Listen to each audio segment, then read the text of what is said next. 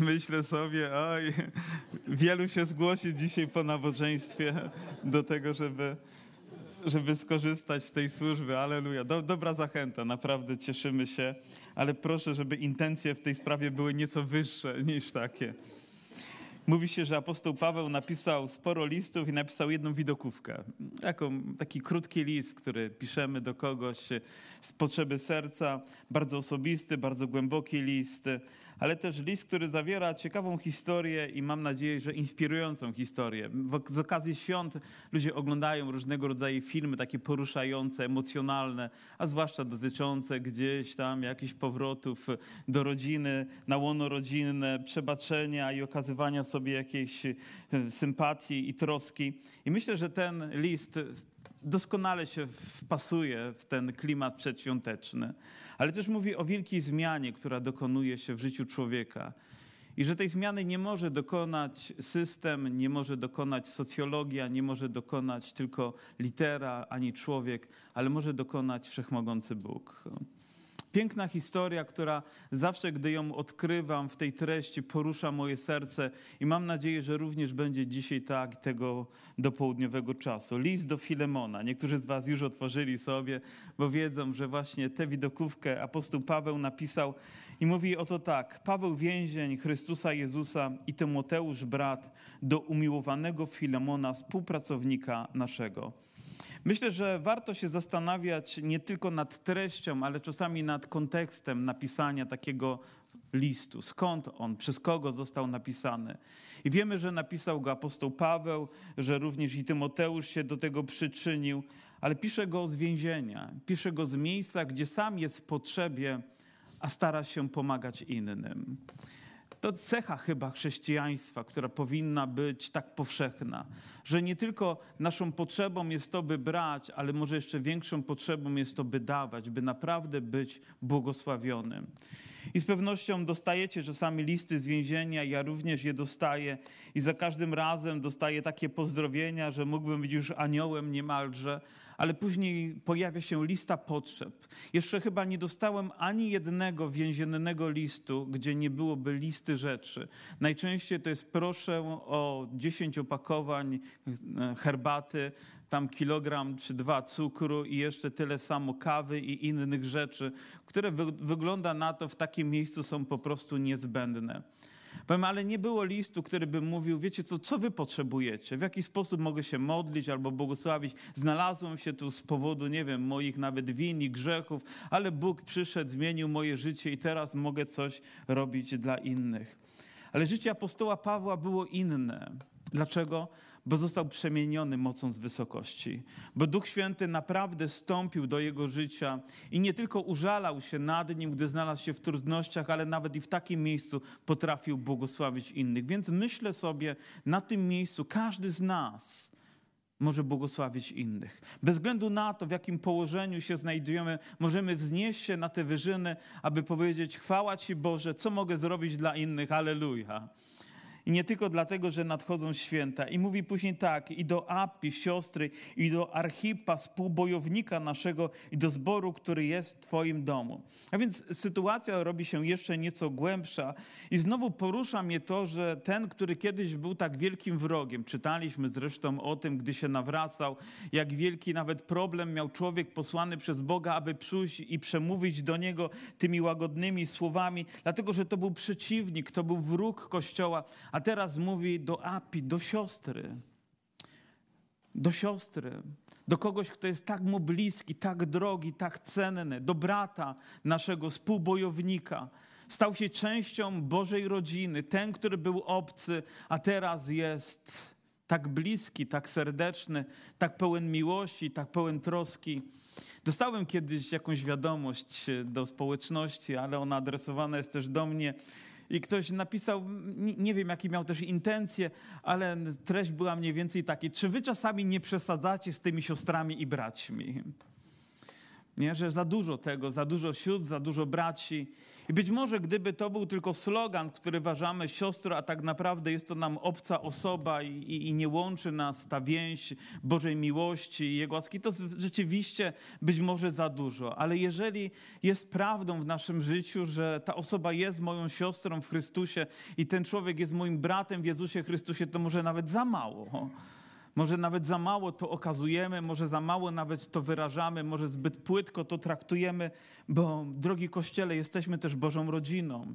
I Kościół można różnie przedstawić. O tak, jesteśmy współbojownikami i o tym też mówi apostoł Paweł. To znaczy, że z tym człowiekiem stawał gdzieś do boju modlitewnego, gdzieś do zwiastowania Ewangelii i mógł na nim polegać, nie zawiódł się, bo rzeczywiście nie z każdą osobą jest to łatwo i po drodze może uczynić. Wiecie, z wieloma osobami możemy zasiąść do stołu, żeby spożyć fajnie posiłek, spędzić miło czas, ale żeby wziąć odpowiedzialność jeden za drugiego, to już ta liczba osób na naszej liście kontaktowej strasznie się zmniejsza.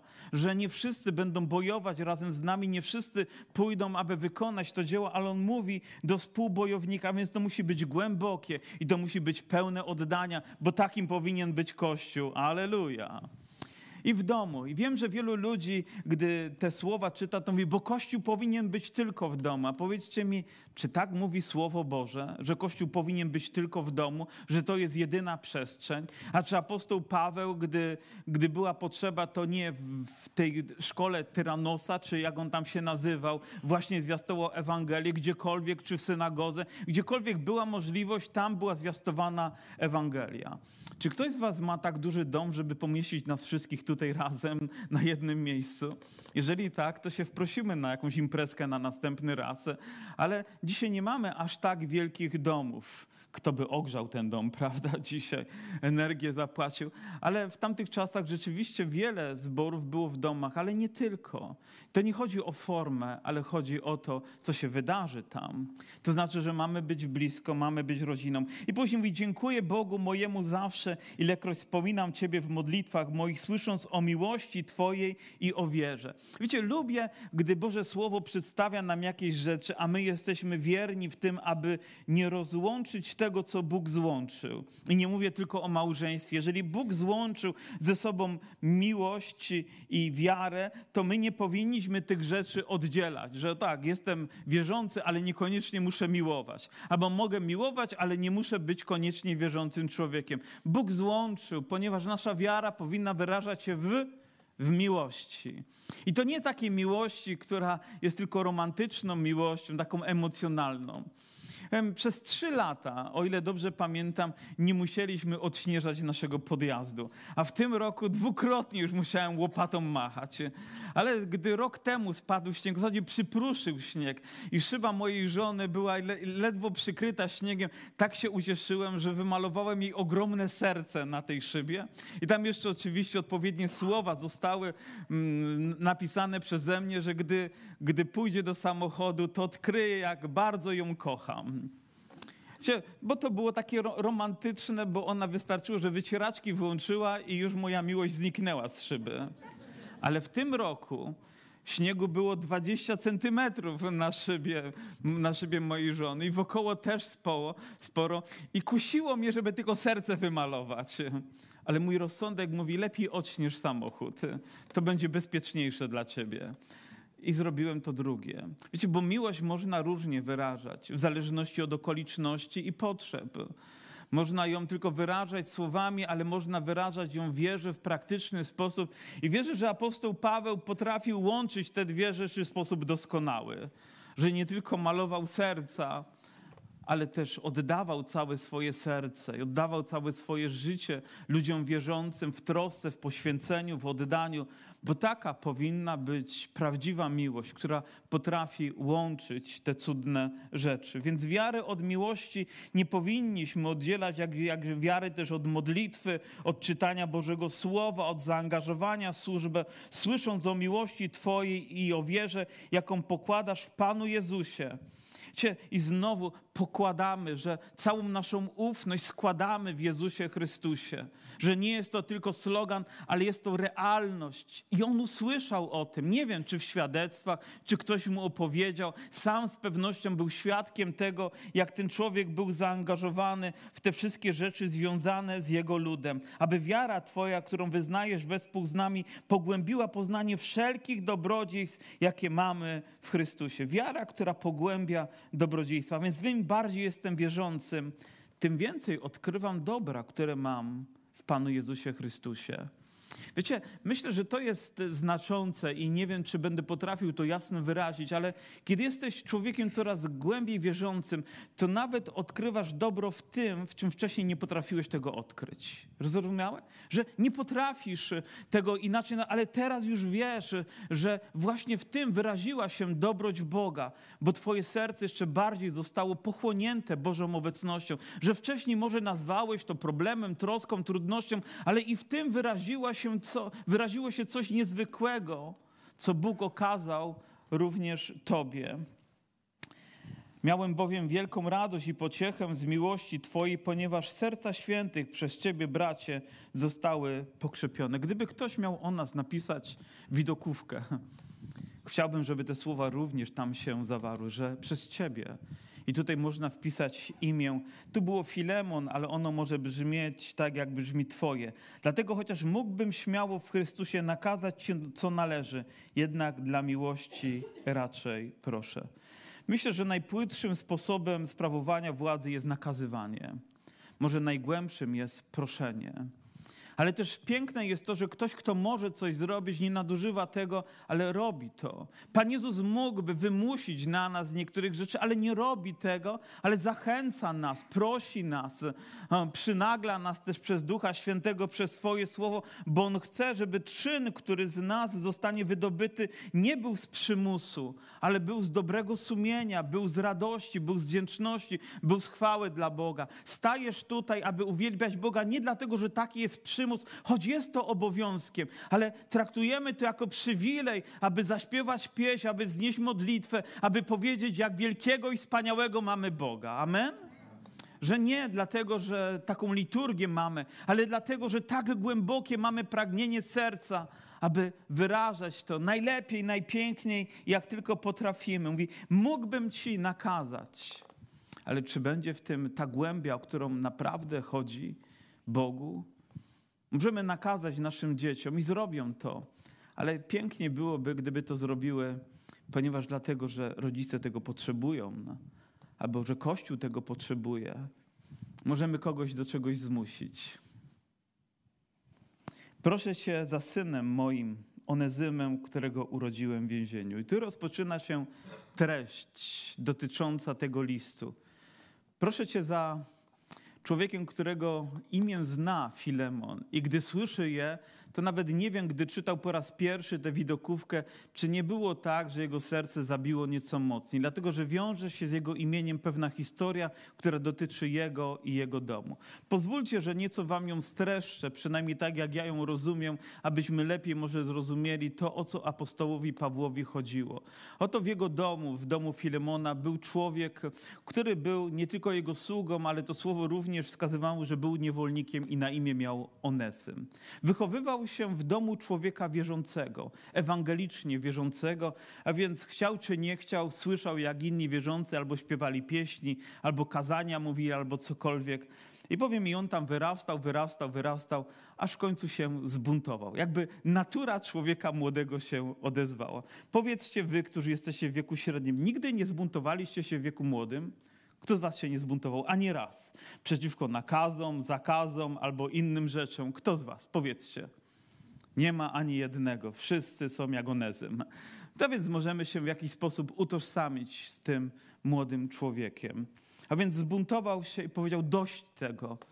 I postanowił na drogę zabrać jeszcze trochę rzeczy z jego domu i uruszył gdzieś w świat. Tak przynajmniej możemy to potocznie określić. Ale myślę, że kiedy Bóg rozpoczyna coś, to czy możemy przed nim uciec? Powiedzcie. To tak jakby rozpoczęła się historia syna marnotrawnego, który zabrał coś, no, on oczywiście wtedy zabrał, co mu się należało. Tutaj ten ukradł i poszedł sobie i poszedł gdzieś w świat i trafił do miejsca, gdzie spotkał, wiecie kogo? Apostoła Pawła. I myślę sobie, że można wejść z deszczu pod rynnę. I on właśnie tego doświadczył, że gdzieś spotkał apostoła Pawła i tamten zwiastował Ewangelię. Nie wiemy, czy to było na ulicy, nie wiemy, bo apostoł Paweł był w więzieniu, ale nie takim z kratami, tylko takim domowym areszcie, który musiał, który musiał wypełniać. Nie było bransoletek na nogę, ale on wiedział, że nie mógł się poruszać. I tam spotkał Onezyma i prawdopodobnie go rozpoznał i również prawdopodobnie zwiastował mu Ewangelię, o czym świadczą kolejne kolejne wiersze i coś zaczęło się zmieniać w życiu tego młodego człowieka. I on nawraca się i dlatego odsyła go z powrotem do tego człowieka, prosząc, aby ten go przyjął. To wydaje się taka romantyczna historia, która dotyczy młodego człowieka, który gdzieś ginie, odchodzi, a później odnajduje Pawła, odnajduje Ewangelię i jego życie się zmienia. I w zasadzie na tym chciałbym się skoncentrować. Ale z drugiej strony patrzę na tego młodego człowieka, który jest zbuntowany, który odchodzi i pomyślałem, pomyślałem sobie, jak wielu młodych ludzi dzisiaj, słysząc nasze pieśni, słysząc nasze modlitwy, widząc nawet nasze zaangażowanie, widząc nawet troskę w naszych domach, odchodzi, ucieka. Jak wielu młodych ludzi zbuntowało się, po prostu gdzieś poszło. I nie wiem, czy my mamy na to wpływ realny, czy nie mamy, ale tak po prostu się dzieje. Ale zastanawiam się, czy mamy oczekiwanie, że oni wrócą. Czy mamy nadzieję na to, że wrócą i wypełnią tę przestrzeń pomiędzy dziećmi a wiekiem średnim, czy już bardziej dojrzałym, że ta sfera, czy ta, ten odcinek czasu wypełni się na nowo młodością, uwielbieniem dla Boga i chwałą. I myślę, że dlatego ten fragment tak bardzo mnie porusza, ponieważ gdzieś w głębi głębi mojego serca od pewnego czasu zacząłem tego oczekiwać i tęsknić za tym, że nie, no poszedł sobie, to dobrze, niech tam próbuje sobie ułożyć życie, ale tęsknię za tym, że powróci. Wy również? Że zobaczymy wielu młodych ludzi, którzy na nowo powracają do kościoła, do społeczności.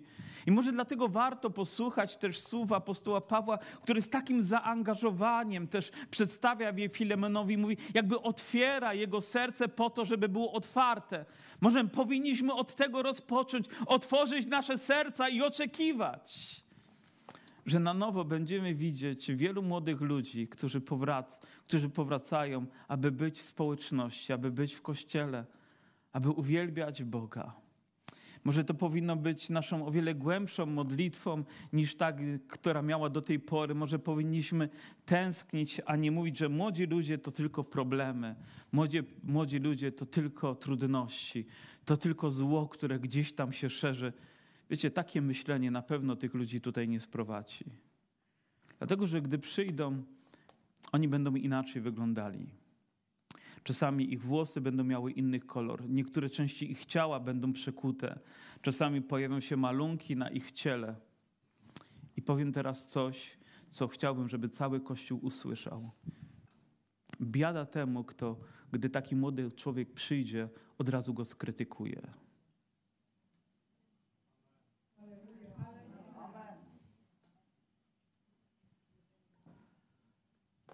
Nie wolno nam tego robić.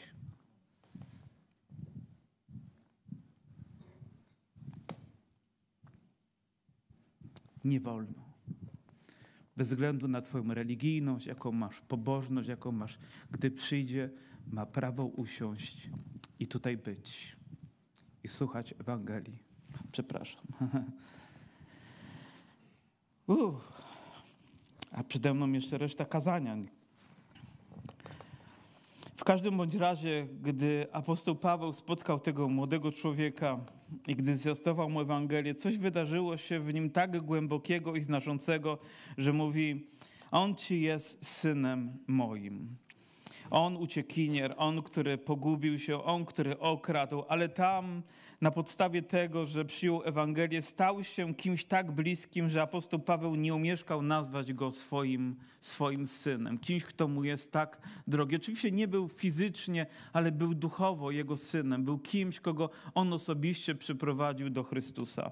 Kupiłem sobie niedawno pewną książkę, ponieważ mam wrażenie, że jestem trochę odrealniony od rzeczywistości, która gdzieś tam się toczy, o sposobie myślenia młodych ludzi. I Josh McDowell napisał taką książkę o młodych ludziach, o tym pokoleniu. I wiecie, naprawdę ta książka zaczęła głęboko docierać do mojej świadomości, uzmysławiając mi, że mamy do czynienia z większym problemem, niż sobie zdajemy sprawę. Mówi, zawsze mówi, każde pokolenie charakteryzowało się tym, że było zbuntowane, ale później jakoś powracało. Każde, każde. Nawet gdybyśmy wzięli tutaj najstarszą osobę, to gdzieś w swojej młodości było, ale powracało ale ktoś powiedział, jakiś socjolog, mądry człowiek, który przebadał, też wierzący człowiek, powiedział, ale nie tym razem. Ale nie tym razem.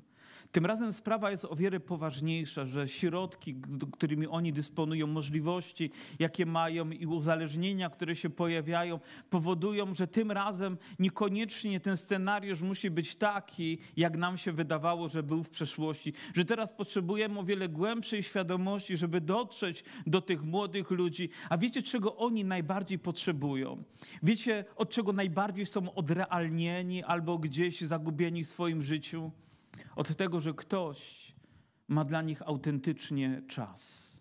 Ktoś, kto będzie z nimi chociaż przez jedną chwilę i okaże im taką empatię, która nie będzie udawana, która nie będzie tylko wyrzutem tego wszystkiego zła, które oni robią w tym pokoleniu, ale będzie zainteresowaniem, autentycznym zainteresowaniem tym, co przeżywają, to, co noszą, jaki bagaż. Może noszą większy niż my w naszej młodości, może mają problemy większe, z którymi my się nie spotykaliśmy.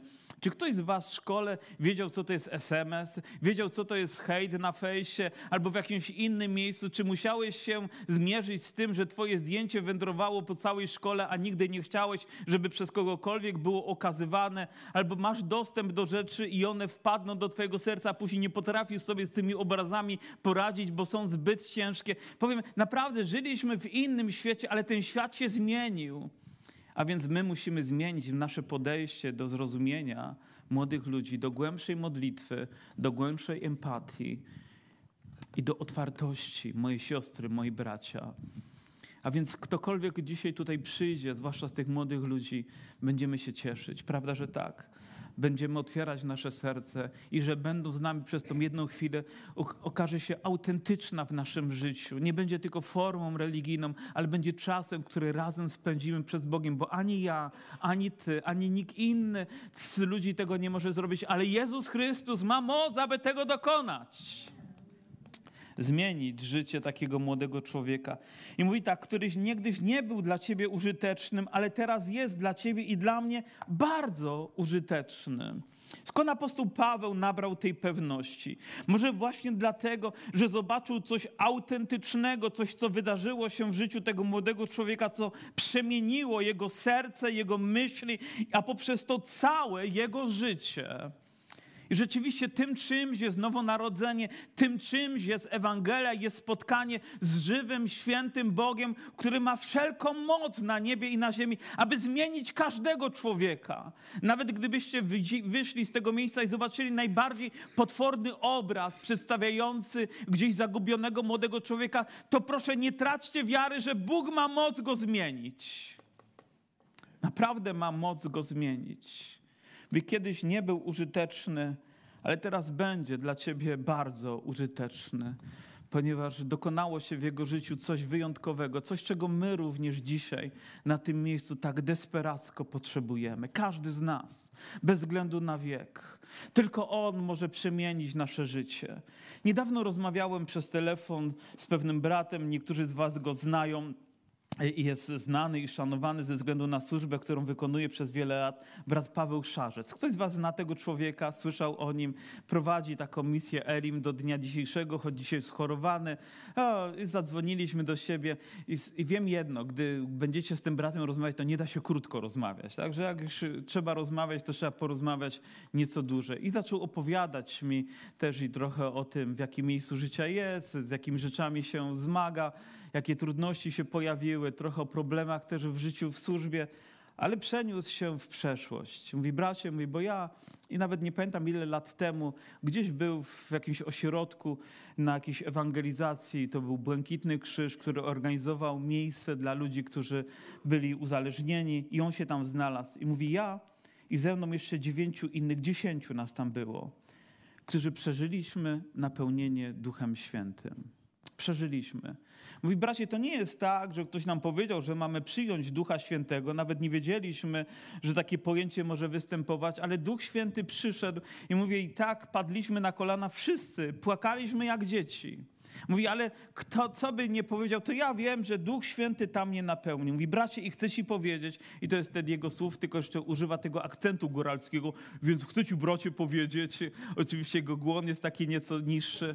Mówi, że wszyscy ci, którzy zostali, a więc tych dziesięciu braci, przez całe życie byli trzeźwi. Bóg ich zmienił. Wszyscy dziesięciu, nie dziewięciu, wszyscy dziesięciu. Mówię, to było tak autentyczne. Każdy z nich wytrwał w tym, co Bóg rozpoczął. Ja wierzę, że gdy Bóg coś czyni, to już człowiek tego nie może zmienić. Jest to tak niezwykle głębokie i poruszające. I myślę, że właśnie tę samą pewność miał apostoł Paweł, gdy widział Onezyma, który oddał swoje życie i swoje serce Chrystusowi, a ten miał moc przemienić jego życie.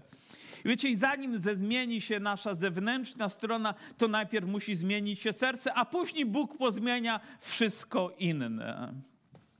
Tak, aby aby być może dać trochę jeszcze więcej radości Kościołowi i tym, którzy są bardziej konserwatywni w myśleniu, ale musi rozpocząć się od serca. Mówi, tego ci odsyła, a on, on jest sercem moim. Nie wiem, o ilu osobach moglibyśmy w ten sposób powiedzieć, o, ty moje serce.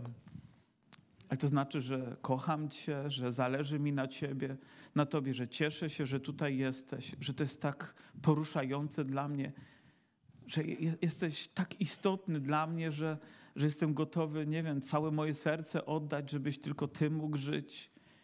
W tych słowach wyraża się więcej niż być może kilka słów, które zawiera w swojej treści. Chciałem go przy sobie zatrzymać, aby mi w Twoim zastępstwie posługiwał w więzieniu, które znoszę dla Ewangelii ale bez Twego przyzwolenia nie chciałem nic uczynić, aby Twój dobry uczynek nie był jakby przymuszony, lecz z dobrej woli, bo być może dlatego utraciłeś go na krótki czas, aby go odzyskać na wieki.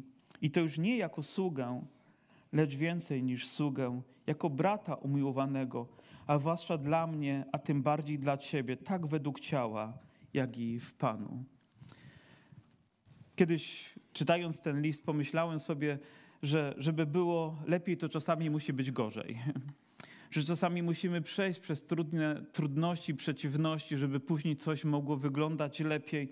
I chyba ta historia rzeczywiście też o tym mówi, że było gorzej, bo gdy ten człowiek odszedł, wpadł w jeszcze większe tarapaty i stał się też człowiekiem, który zagubiony gdzieś w życiu pewnie straciłby swoje życie całkowicie, ale spotkał apostoła Pawła i Ewangelię i jego życie zostało zmienione i kiedyś mówi, był dla ciebie sługą, był niewolnikiem. Mówi, ale teraz od tego dnia staje się twoim bratem. Wiecie, sługi z niewolnika do brata? Aż tak? Aż tak, Panie, potrafisz przeskalować nasze życie? Aż tak potrafisz połączyć nas razem? Wiecie, że ten fragment stał się pobudką też dla wielu ludzi, którzy żyli w czasach, gdzie sprzedawano niewolników na ich oczach, ale byli ludźmi ewangelicznie wierzącymi. Jeżeli naprawdę mieli tę Bożą wrażliwość, to te obrazy strasznie głęboko ich dotykały i nie mogli się z tym zgodzić i powstał ruch działający na rzecz ludzi, którzy byli sprzedawani i byli niewolnikami i to nikt inny, jak wierzący ludzie rozpoczęli cały ten proces, który doprowadził do zakazu handlu ludźmi, do wyzwolenia ludzi, ale to wszystko stało się dzięki Ewangelii. Myślę, nie stałoby się to dlatego, że ludzie czytali Koran albo jakieś inne pisma, ale jeżeli czytamy Boże Słowo, to właśnie do tego nas prowadzi. Amen? I mam nadzieję, że również to sięga dalej, że gdy jesteśmy wrażliwi na Boże działanie, to widzimy przemianę, którą Bóg czyni, a to sprawia, że ludzie, którzy kiedyś byli dalecy, obcy, teraz tam są naszymi braćmi w Chrystusie, kiedyś byli ludźmi, których nazwalibyśmy tutaj odpowiednio, ale teraz zasiadają razem z nami. Dzisiaj są tymi, którzy są bliscy, są sercem naszym, bo taka jest moc naszego Zbawcy. Bo taka jest moc Ducha Świętego, która potrafi przemienić życia człowieka. To nie cud świąteczny, ale to Jezus Chrystus, który jest realnością, potrafi tego dokonać. To nie te wszystkie ozdoby, które się pojawiają, ale to chwała Boża, która przychodzi i wypełnia serce człowieka. Potrafi dokonać nie tylko jednego, ale cudów w każdej rodzinie, w każdym domu, tam gdzie jesteśmy, tam gdzie pojawia się Jezus Chrystus, tam pojawia się nadzieja zmiany która mówi, że już nie był niewolnikiem, ale teraz mówi, gdy zasiądzie z tobą, to będzie twoim bratem. To nie znaczy, że nie będzie musiał wykonywać swoich obowiązków, ale będzie twoim bratem w Jezusie Chrystusie. Co za cudowna zmiana. Już nie jako sługę, ale brata. Jeśli więc masz mnie za przyjaciela, przyjmij go jak mnie. A jeśli ci jakąś szkodę wyrządził, albo jest ci coś winien, mnie to przypisz. Ja, Paweł, piszę własnoręcznie, ja zapłacę. Wiecie, to naprawdę musi być głębokie, żeby być gotowym zapłacić czyjeś długi albo te rzeczy, które on ukradł. Czasami małe rzeczy potrafią zatruwać nasze życie i nie dają nam spokoju. Ale czy Jezus Chrystus, gdy przyszedł, nie zapłacił za nie wszystkie po to, żebyśmy my ten spokój odzyskali?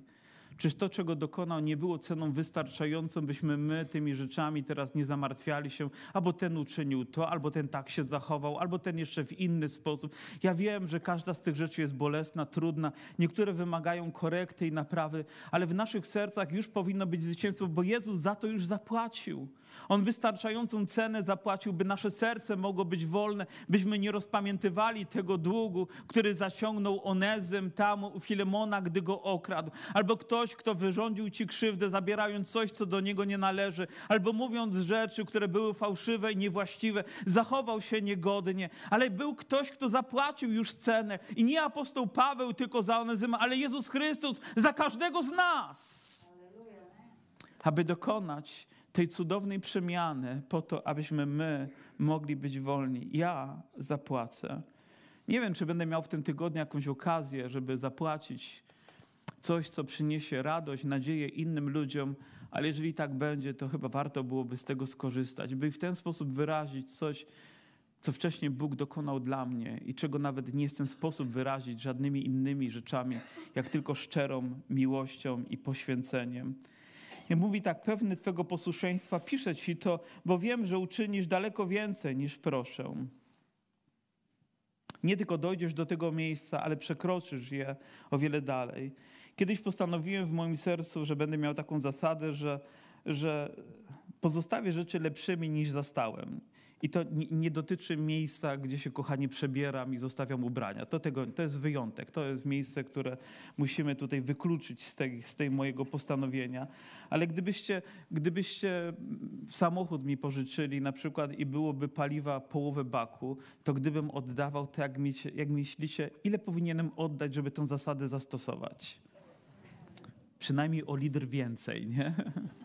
bo wiecie, że cena jest dość duża teraz, ale, ale gdyby był tam gdzieś zachlapany, to chciałbym, żeby był czyściejszy, żeby robiąc pójść dalej.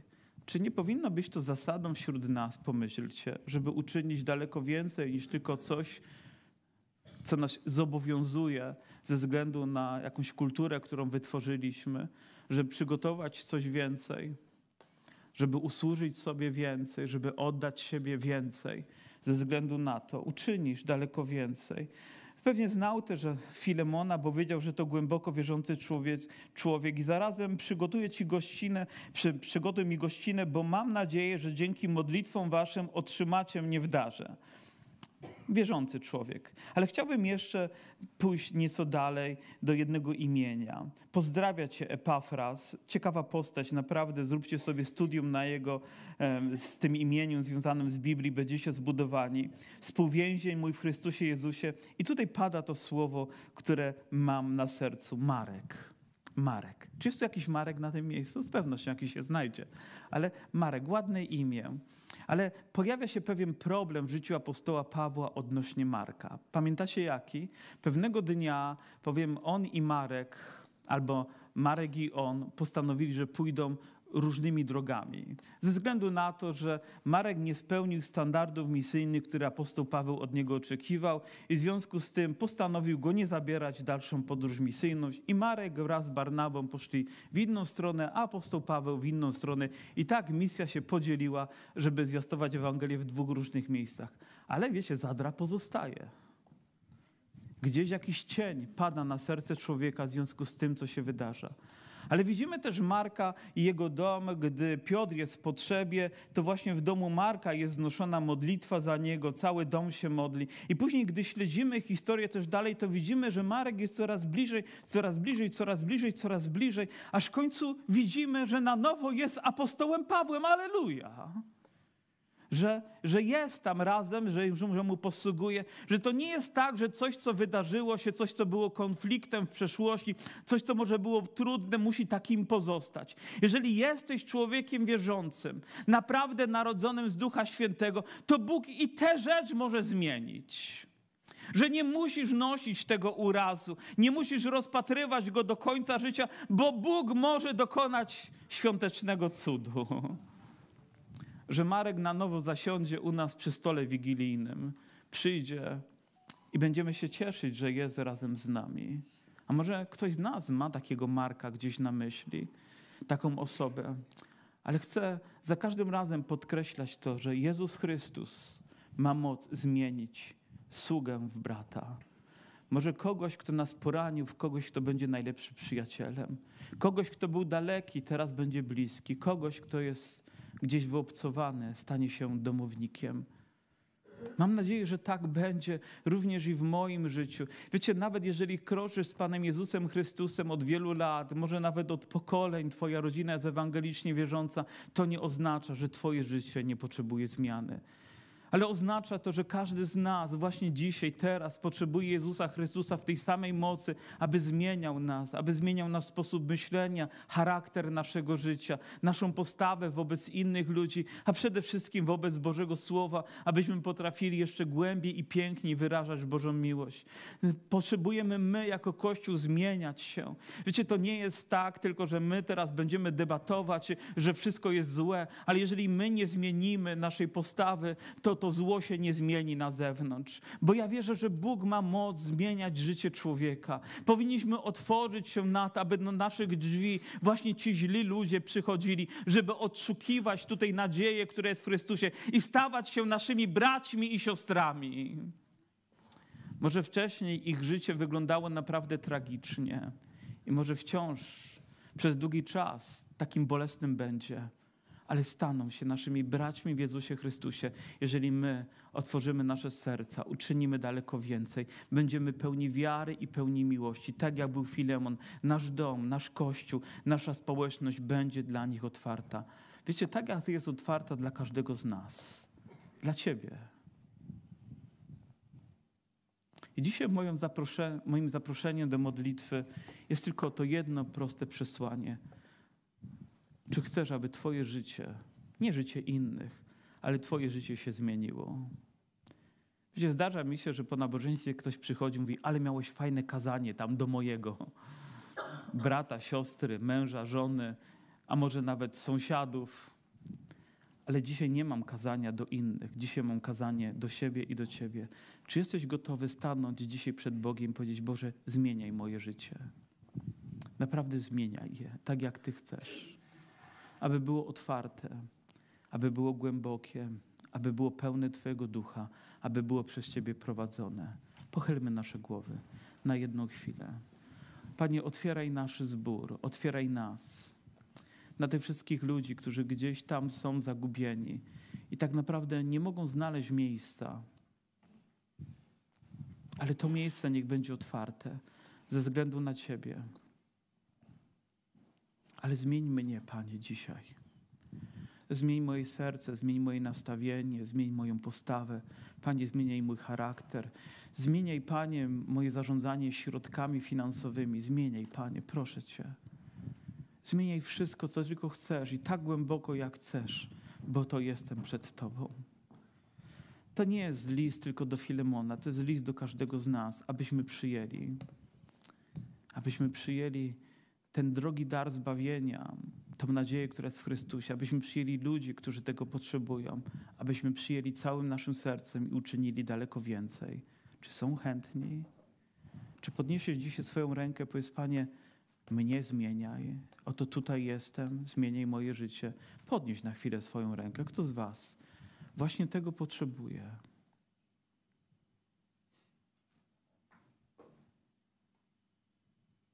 Jeżeli ktoś z Was nawet nie podniósł ręki, to chciałem pogratulować, bo ja potrzebuję, żeby Bóg zmieniał moje życie.